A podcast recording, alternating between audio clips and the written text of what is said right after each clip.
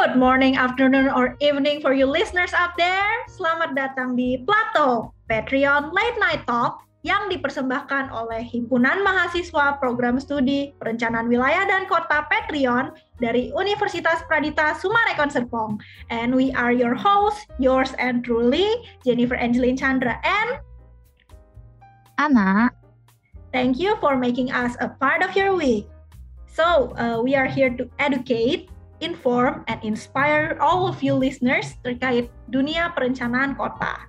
Nah, tapi sebenarnya sih nggak cuma dunia perencanaan kota ya, yang nggak sih An? Betul banget sih Jen, banyak banget yang bakal kita bahas nih.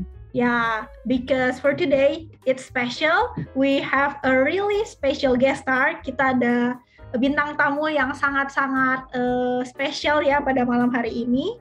Jadi, uh, please welcome Kak Jasinta Rasya Andini, yaitu uh, Ketua uh, atau Presiden Mahasiswa Badan Eksekutif Mahasiswa di Universitas Pradita. Hai Kak JJ. Thank you. Hi everyone. Thank, Thank you, you ya udah undang aku. Thank you juga udah mau memenuhi undangan kita nih Kak JJ. Oke. Okay without further ado, let's just get started. Kita langsung mulai aja ya. langsung ke pertanyaan pertama nih Kak JJ. Jadi, hmm. Kak JJ tuh selama pandemi tuh ngapain aja sih? Apa aja kegiatannya? Selama pandemi ya.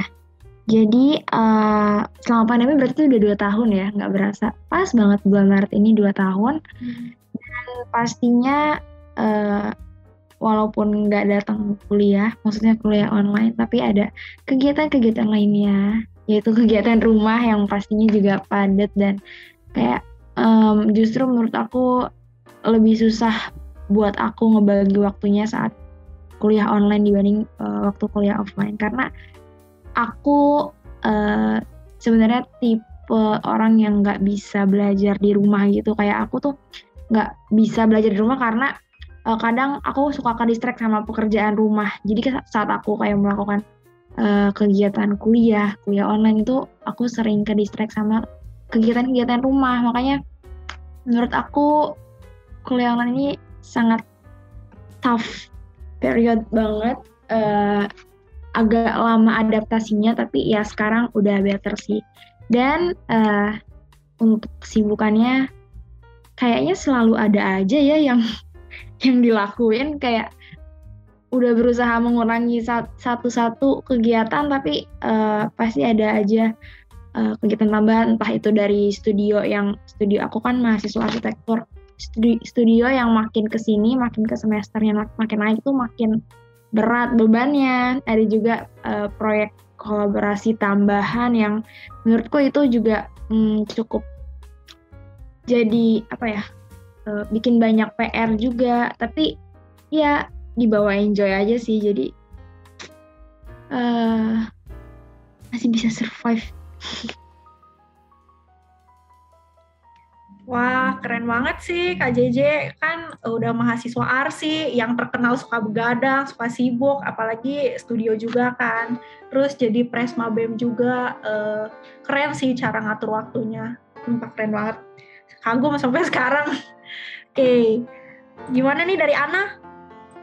Wih, keren banget ya Kak Jiji berarti kayak benar-benar walaupun susah ngatur waktunya tapi kan masih bisa terjalani dengan baik dong sampai sekarang. Hmm, oke okay, oke. Okay. Keren banget pokoknya Kak Jiji.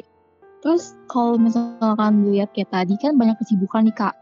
Berarti um, banyak tugas yang harus dikerjain dan juga banyak banget kayak proyek-proyek. Mungkin kan anak asli kan banyak studio gitu kak. Nah seorang Jacinta Rasya ini sebenarnya bisa nggak sih malas-malasan? Oh, ini yang aku udah bisa jawab ya.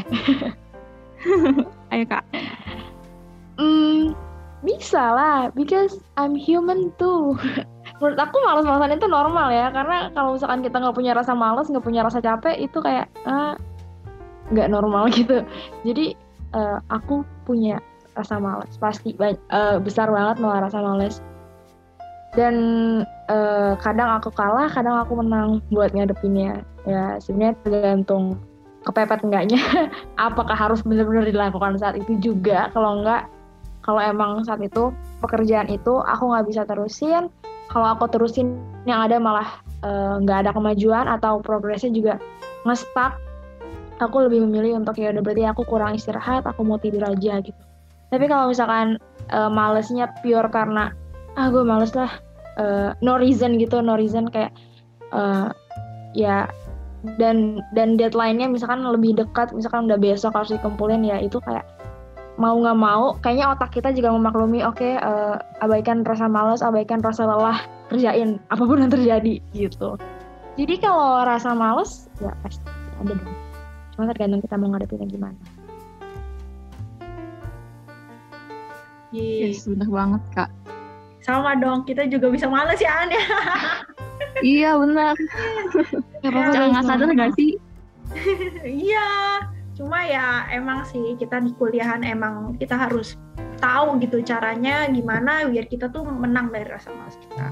Oke, okay, uh, eh, kita ke pertanyaan selanjutnya nih Kak Cece uh, gimana sih caranya biar kita tuh nggak kepengaruh sama orang di kayak di Instagram gitu ya kan suka banget tuh ngepost kayak productivity check, ngambis check, lalalala.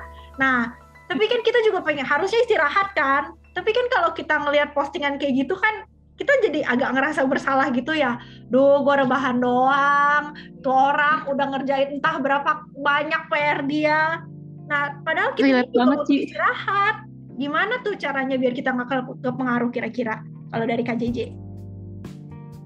Oke, okay, kalau dari aku pertama kalau aku ngelihat postingan kayak gitu di saat aku lagi uh, istilahnya break time, uh, aku mikir sih kayak aku ini break karena apa? Apa karena aku udah nugas selama 8 jam nonstop lalu aku break atau aku break karena ya aku pengen break aja males menyentuh tugas gitu kalau emang alasannya karena aku emang udah nonstop nih nugas selama 8 jam misalkan gak berhenti berhenti terus aku rebahan terus aku baru lima menit rebahan di bang ngeliat postingan kayak gitu.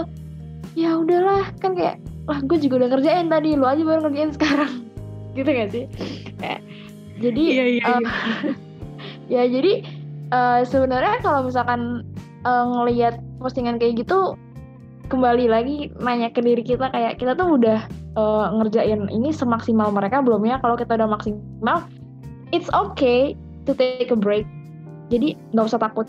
Uh, gue nggak gue nggak serajin dia nih. Dia kok kayaknya rajin banget. Siapa tahu itu cuma uh, konten doang guys. Terus uh, kalau emang uh, ternyata kita yang malesnya males-malesan doang terus kita nemu postingan kayak gitu ya menurut aku justru kayak bagus dong kayak diingetin oh iya nih gue merasa kesindir gue dari tadi nggak ngapa-ngapain 5 jam perubahan doang terus dapat postingan kayak gitu aku nganggap ya kayak mungkin ini adalah anugerah atau kayak uh, wake up call gitu pesan kan ya? iya bener pesan dari Tuhan buat gue biar nugas gitu gak sih oke okay, oke okay. kalau anak gitu juga nggak An? kadang sih kadang gitu soalnya kan mikirnya gini ya kayak ngelihat orang-orang kayak produktif gitu sebenarnya kayak kita juga udah ngerjain tugas. Tapi kalau nggak kayak gitu tuh jadi kayak beban gak sih? Malah jadinya kayak pengen ngerjain lagi tapi kayak udah capek gitu loh. Ya jadi kayak kadang tuh ya udah kita butuh istirahat juga kan. Maksudnya kan gak selalu harus nugas dan sampai benar-benar break out sampai kayak benar-benar capek gitu kan sampai teper kan lebih malah lebih parah gitu kan. Tapi ya balik lagi sih ke diri kita sendiri kayak gimana ngaturnya Nah, lanjut nih, Ci. Eh, lanjut nih, Kak. Gimana sih, Cak? Eh, gimana sih, Kak? Kalau misalkan sekarang kan lagi pandemi gini, pasti banyak banget nggak um, cuma dari mahasiswa, mungkin dari pelajar-pelajar juga kayak hektik banget nih. Nah, gimana sih cara ngatur waktu biar manajemen waktunya itu kayak nggak nggak keteteran gitu loh, Kak? Aku juga belum expert di bidang manajemen waktu. Aku terbilang masih sangat uh, susah ngehandle waktu aku sendiri juga. Uh, tapi kalau misalkan gimana ya, aku kayak ah, aku bener nggak ya ngomong kayak gini? Aku takut uh, salah juga.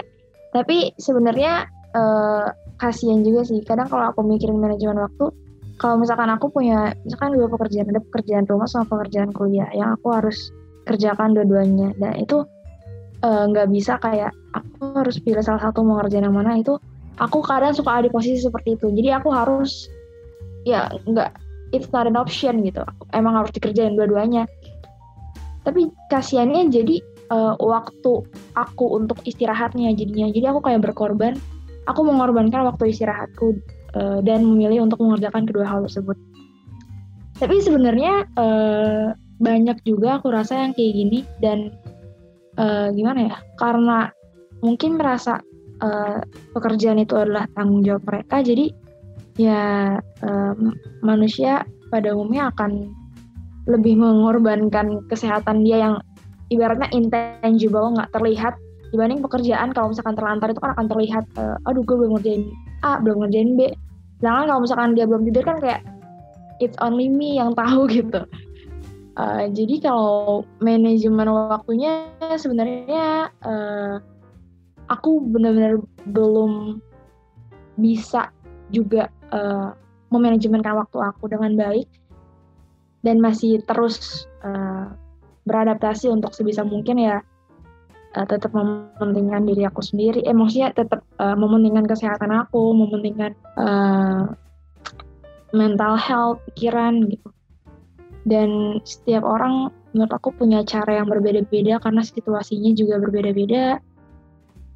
Eh, tapi kalau cara aku sendiri adalah kadang kalau aku tuh ya memang rentan untuk mengabaikan eh, kondisi fisik aku dan lebih memilih untuk eh, mengerjakan pekerjaan-pekerjaan yang memang terlihat dan harus dan terlihat dan kelihatannya harus dikerjakan gitu. Kasian ya aku. Ih, Tapi ya emang sih kayaknya emang nggak ada orang yang bener-bener bisa kayak bener-bener waktunya tuh bener-bener manage rapi banget karena ya ada aja gitu yang emang tiba-tiba dateng, tiba-tiba ya. disuruh gitu-gitu. Nah, oke, kita ke pertanyaan selanjutnya nih. Gimana sih cara K- KJJ ngejar tugas yang udah deket deadline padahal tuh kayak capek abis misalnya abis rapat BEM, terus capek juga masih harus eh, supervise acara-acara yang dipegang sama ketua panitia di bawah BEM, terus abis studio seharian, capek, terus masih ada meeting malamnya. Itu gimana cara ngejar tugasnya KJJ? Cara ngejar tugasnya adalah begadang. Salah nggak sih aku jawab kayak gini? Cuman kalau misalkan po- posisinya kayak yang tadi kamu jelasin, kayak misalkan tugasnya deadline-nya adalah besok pagi, sedangkan tadi sore dan siang itu seharian aku habis rapat, habis ada studio dan lain-lain, ya capek pasti. Cuman kalau emang udah deadline kayak "Ah, dosen tidak akan peduli kamu habis ngapain kemarin, yang penting tugas kumpul. Jadi, Betul. ya, Bener. kan jadi ya ya paling lembur untuk kerjain tapi kalau misalkan emang ternyata itu tugasnya yang bebannya cukup berat dan misalkan due date-nya jam 8 pagi dan aku jam 7 masih eh, 50% aku kadang tuh kayak ya udahlah aku telat nggak apa-apa. Maksudnya kayak eh tapi biasanya aku membatasi diri ya. Kayak misalkan aku mau telat ngumpulin tugas tapi aku membatasin nggak boleh lewat dari sehari atau nggak boleh lewat dari 5 jam misalkan gitu. Atau misalkan kan suka ada tuh dosen yang eh, hari eh mata mata mata kuliahnya tuh di hari Selasa misalkan tapi ngumpulin tugasnya di hari Senin misalnya gitu. Aku mikir kayak oh ini kan akan dibahas hari Selasa jadi kalau misalkan aku telat-telat ngumpulin di hari Senin it's okay kali ya gitu. Jadi kayak agak-agak mikir dikit dalam ngumpulin tugas. Tapi itu sih eh, tergantung juga kalau emang benar-benar nggak bisa dipaksakan ya nggak usah memaksakan. Kadang ada orang juga yang ada dua tipe orang menurut aku. Ada yang eh, yang penting ngumpulin tepat waktu tapi isinya nggak full. Ada juga orang yang eh, mau nyelesain tugas sampai selesai maksimal tapi ngumpulin agak telat. Nah aku kebetulan tipe yang kedua sih. Jadi aku lebih memilih untuk eh, agak telat mungkin kalau emang mau ngumpulin mau ngumpulinnya harus telat. Tapi eh, tugas itu aku selesaikan dengan full gitu. Selesai nggak nggak 50% nggak setengah setengah gitu. Ah, berarti yang penting isinya itu harus benar-benar full gitu ya kak. ya yang penting eh, sesuai apa yang diminta itu yang aku kasih Oke oke. Tapi pernah nggak sih kak benar-benar yang kayak telat banget deadline-nya gitu? Ini Yang kalau tugas waktu kuliah. gitu. ini kalau tugas kuliah ya Hmm, hmm, hmm. Oke oke. Maksudnya ini kalau tugas kuliah apa bukan yang kamu tanya? Ya. Maksudnya tadi pertanyaan kamu itu untuk tugas kuliah atau Iya. kayak pekerjaan yang lain? Oh, tugas kuliah. tugas kuliah. Pernah sih? Yang sampai deadline-nya udah kayak misal hari Selasa terus baru kumpul hari Rabu gitu atau mungkin hari Kamis. Eh, jujur aku pernah. oh ini Tuh, aku tuh, Ya, ini agak ini ya ini nggak patut dicontoh ya. Oke oke. Tapi aku kayak aku ini sih eh, kadang tuh kita kan sifat dasar manusia adalah mengamati sifat seseorang orang lain. Kadang aku ngamatin juga kayak sifat dosen ini apakah eh, dosen ini orang yang eh, toleransi, maksudnya kayak nggak strict banget gitu atau enggak. Kalau misalkan dosen emang nggak strict banget, aku pengalaman pernah sebenarnya bahkan ini to be honest telatnya seminggu. Lama banget. Wow. Iya, jadi eh, dosen ini tuh selalu ngasih tugas mingguan dan tugasnya tuh sama. Tugasnya tugas tiap mingguan dia itu adalah kayak merangkum eh, materi di minggu itu gitu. Dan setiap minggu selalu ada. Jadi kalau misalkan aku telat ngumpulin tugas yang minggu ke minggu pertama misalnya, lalu aku baru ngumpulin di minggu kedua, itu ada lagi nambah lagi. jadi ada dua tugas yang harus aku kumpulin ya kayak gitu tapi eh, untungnya ternyata setelah melalui beberapa minggu eh, apa di matkul itu ternyata tuh kayak nggak cuma aku doang yang ngumpulin telat. Ada teman-teman lain juga ngumpulin telat karena dosennya kayak eh, jadi bilang ini ada beberapa orang yang masih belum ngumpulin cuma cuma segini doang yang ngumpulin gitu.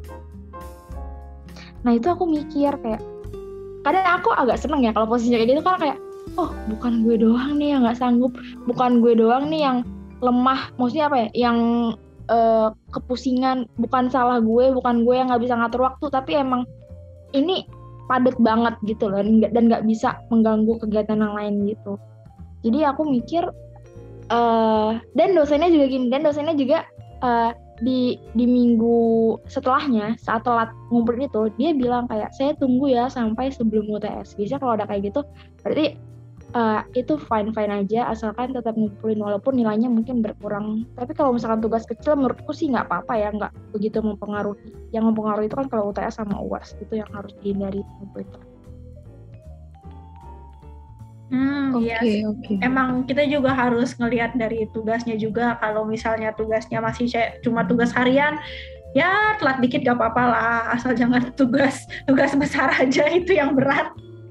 Itu berat banget sih. Oke, aku lanjut ya. Jadi Kak JJ, gimana sih rasanya jadi Presma BEM di masa pandemi ini? Kan pasti beda banget ya sama dari eh, mungkin kayak di eh, kayak zamannya Kak Kelvin gitu, pasti kan beda banget rasanya tuh. Kira-kira gimana kalau menurut Kak JJ? Hmm, kalau aku rasanya adalah eh, ada plus minusnya ya. Menurutku kalau misalkan aku eh, jadi apa, jadi pengurus BEM di saat waktu sebelum pandemi atau offline, mungkin eh, cons-nya adalah eh, banyak pertemuan-pertemuan offline yang harus datang, yang harus dihadirin dan mungkin bisa aja mengganggu kelas. Tapi kalau online ini ya plusnya adalah kita bisa merangkap membelah diri. Nggak ada yang salah. Maksudnya membelah layar kita jadi dua. Layar HP dan layar laptop. Jadi bisa bisa kayak rapat sambil kelas itu plusnya. Cuma sebenarnya agak suntuk juga ya karena ini kan udah dua tahun. Nggak ketemu orang. Bahkan eh, ini bem aku aja bem pengurus bem yang periode aku aja kayaknya belum pernah tuh ketemu eh, satu tim full ketemu offline gitu. Kalau kalian pernah ya PWK ya? Itu juga nggak semuanya pernah. datang sih, Iya. tapi nggak ada yang semua. bisa gitu. Nah, tapi seenggaknya pertemuan-pertemuan itu menurut aku tuh kayak membantu membentuk eh, bonding tim gitu loh. Ya nggak Iya. lo merasa nggak sih? Iya, Banget banget. banget.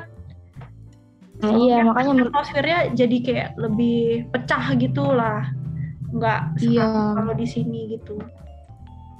Nah iya mungkin ya kalau misalkan eh mengurus organisasi saat offline memang lebih serunya di situ. Maksudnya lebih bondingnya itu lebih berasa karena kita bisa ketemu sama orang itu langsung. Bahkan kayak bisa berinteraksi di luar kegiatan organisasi terus bisa lebih kenal satu sama lain menurut aku enaknya di situ sih cuman ya uh, kembali lagi mungkin kita emang diharuskan untuk beradaptasi di berbagai situasi. Jadi kalau pandemi ya. Tapi sekarang untungnya ada berkurang jadi uh, bolehlah mencuri-curi rapat offline di luar. Bolehlah bem. Colek anggota bem.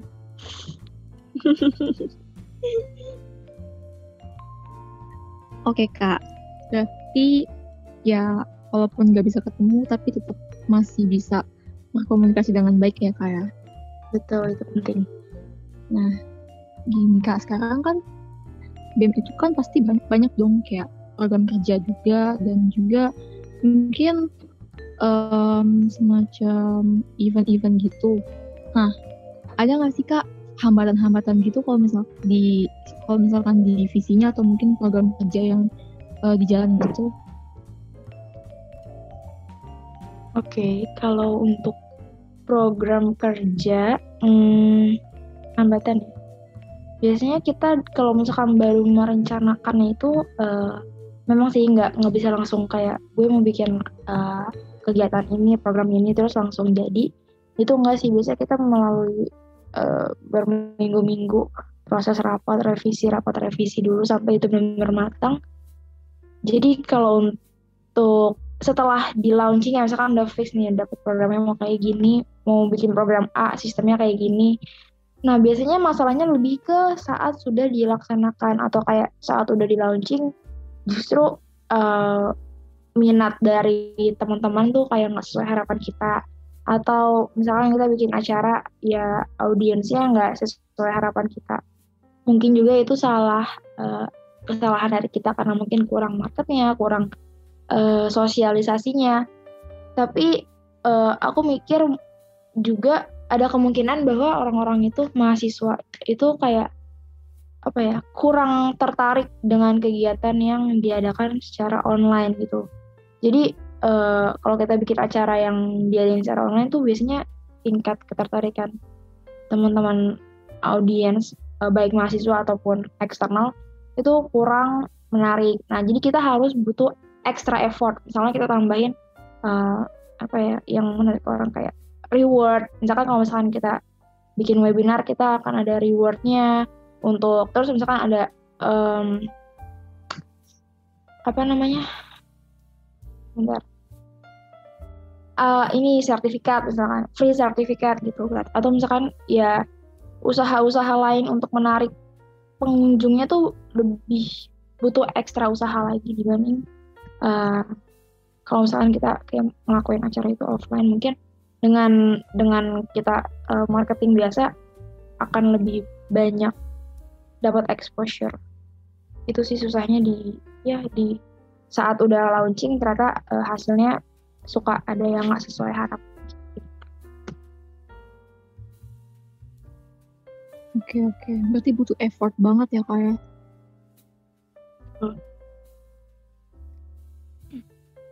Iya, Oke, kayak lanjut sih Jen. Berasa sih uh, kalau misalnya pandemi juga kita di HMPS kan susah ya An ya ngajakin anak-anak aktif gitu-gitu. Iya. beratnya minta ampun. Walaupun udah di spam juga tetap aja. Iya, ada aja yang lalai, hmm. ada aja yang nggak mau gitu. Dan itu lebih hmm. susah sih emang kontrolnya. Hmm. Betul betul. Oke, kita lanjut nih. Uh, mungkin ini klise banget sih, tapi apa sih harapannya KJJ ke depannya di suasana pandemi ini? Harapan aku ke depannya adalah ya semoga pandemi ini uh, cepat selesai, angka kasusnya cepat-cepat menurun. Walaupun kadang kita suka dikasih harapan palsu, udah turun naik lagi, udah turun lagi naik lagi.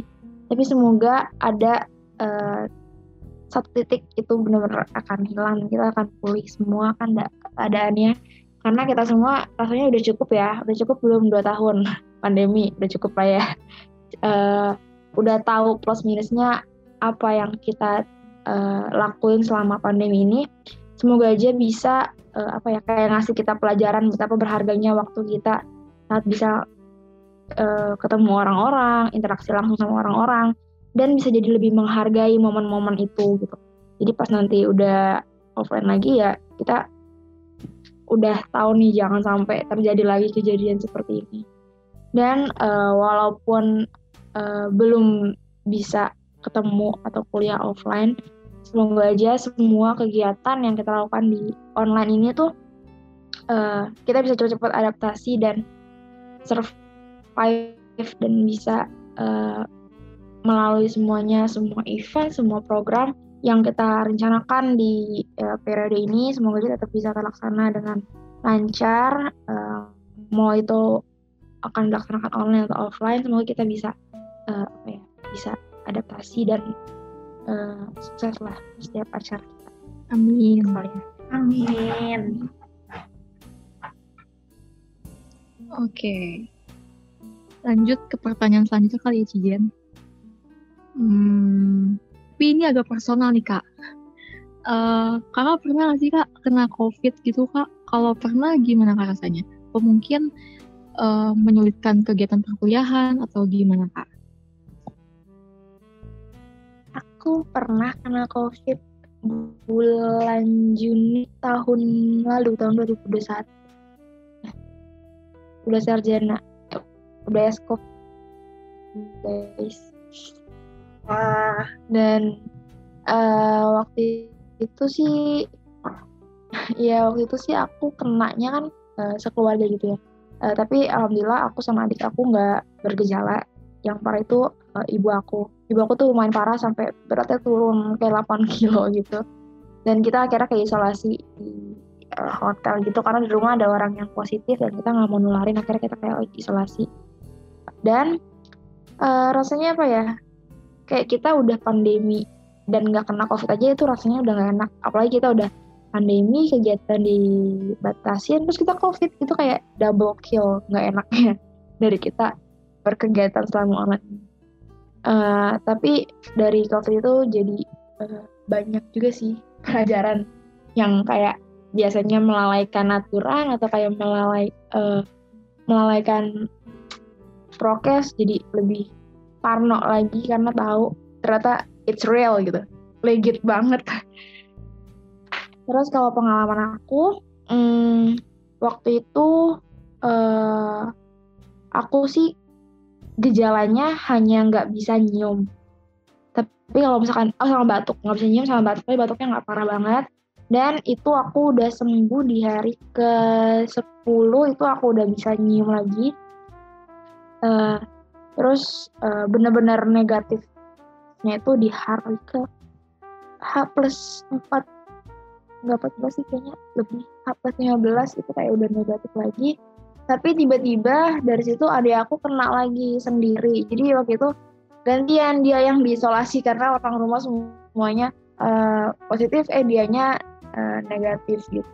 Jadi kayak di keluarga aku kayak udah dua kali kena gejala dalam periode waktu yang nggak bersamaan gitu. Jadi kita kayak uh, ada ekstra hati-hatinya tuh ada dua periode waktu nih kita ekstra hati-hati banget.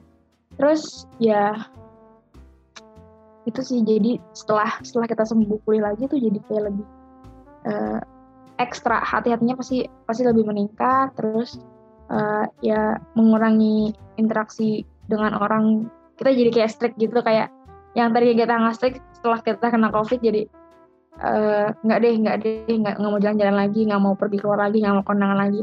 Tapi ya sebenarnya itu akan cuma berlaku dua tiga bulan. Setelah itu kayak kita akan lupa sama rasanya dan ya gimana ya? Karena pada dasarnya kita kalau misalkan sifat manusia yang ingin terus bersosialisasi pasti kita mau karena kemari pengen ketemu orang juga. Karena kita nggak bisa hidup sendiri dan nggak bisa diem aja gitu di rumah.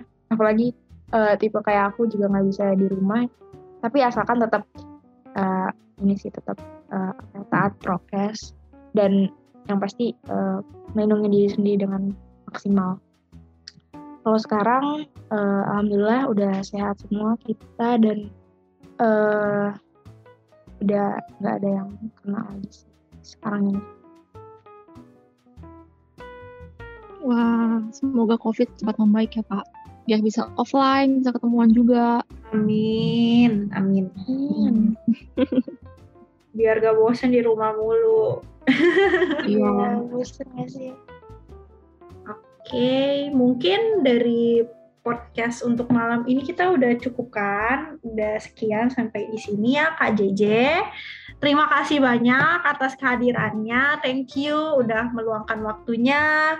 Maaf ya kita ganggu-ganggu. Nggak dong, thank you. Aku juga thank you banget loh udah ngundang aku. Sorry kalau misalkan tadi pertanyaannya ada yang mungkin eh aku agak susah jawabnya karena sama-sama belajar. Iya, nggak apa-apa. Kan kita masih sama-sama Sama-sama student. belajar. Jadi nggak Ya, betul.